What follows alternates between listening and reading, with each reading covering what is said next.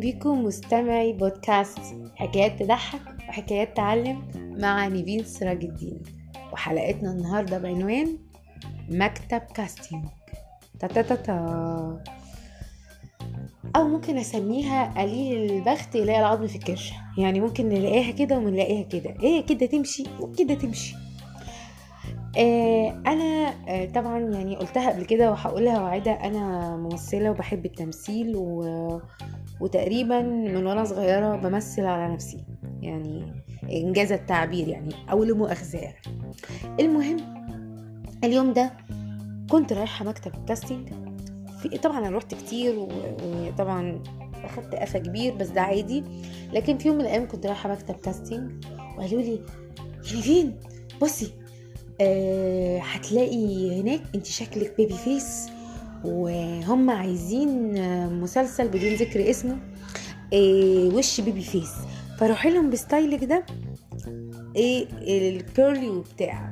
يا سلام الله كنت كام سنة؟ مش فاكرة كنت تقريبا 24 سنة على ما أفتكر يعني وقتها. فقلت ماشي قشطة يلا بينا. ورحت آه اللي حصل إن أنا بغبائي استحميت اليوم ده. وسرحت شعري تسريحة لاكتي ولا اي لايك ات عارفين الإعلان القديم ده شعري ملزق بالجنب. وشكلي كبر تقريبا نطيت من 24 سنة ل 64 سنة تقريبا. المهم رحت. فطبعا بصوا عليا ما دخلونيش للمخرج أصلا يعني. فقلت عادي عادي بتحصل في أحسن العائلات عادي. رحت رايحة قلت لهم أنتوا يا جماعة؟ قالوا لي بصي في كاستنج تاني. تقريبا ستايلك وسنك كده يمشي معاه قصادك في في المكتب اللي قصادك مسلسل برضو معروف ونزل. رحت. قلت يلا مش مشكلة. المهم نشتغل وخلاص. رحت رايحة. أنا وقفت من هنا بتكلم. وإذا بيا حظي العظيم. يقولوا لي إيه؟ اسمك إيه سنك عنوانك اشتغلتي إيه قبل كده؟ طبعا أنتوا عارفين ان إحنا في في مصر بيحبوا دايما الناس تسأل السؤال العظيم ده اشتغلت فين قبل كده؟ طب أنا لو كنت اشتغلت في حتة قبل كده طبعا يعني أنا ممثلة أصلا بس لو كنت اشتغلت مثلا حاجات كتير قبل كده أنا هاجي لكم ليه أصلا يعني.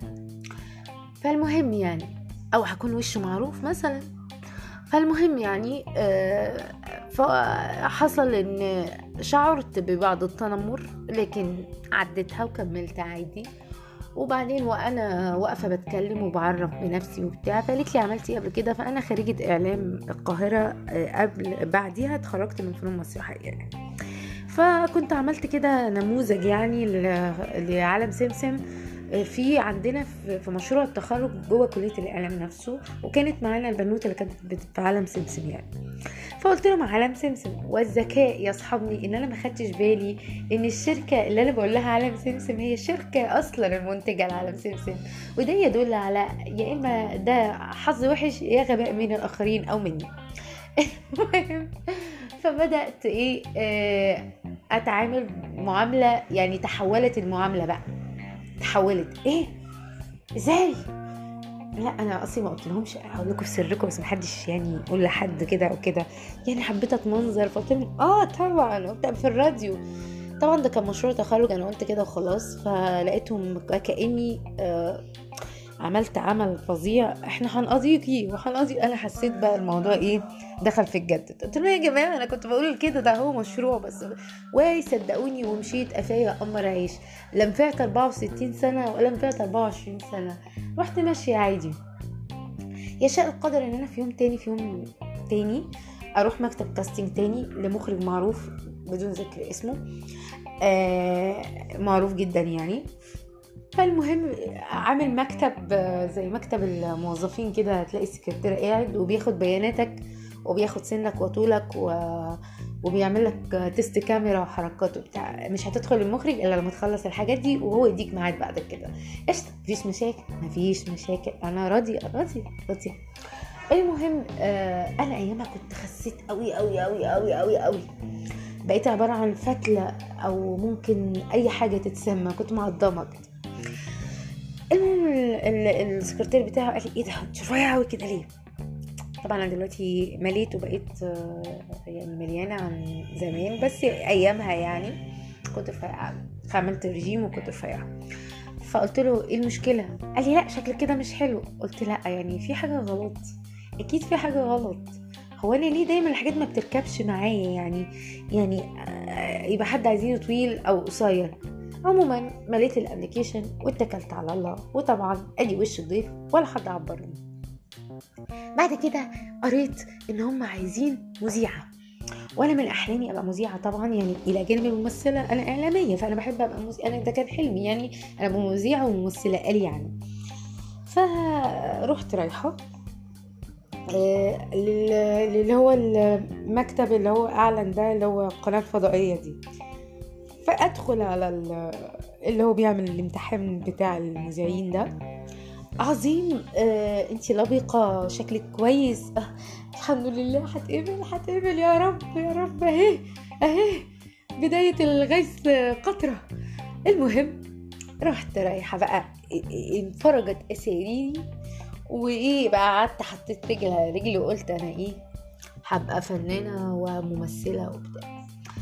فإذا بي اتفاجأ إن الراجل بيقول لي هو انتي للأسف شعرك أصفر؟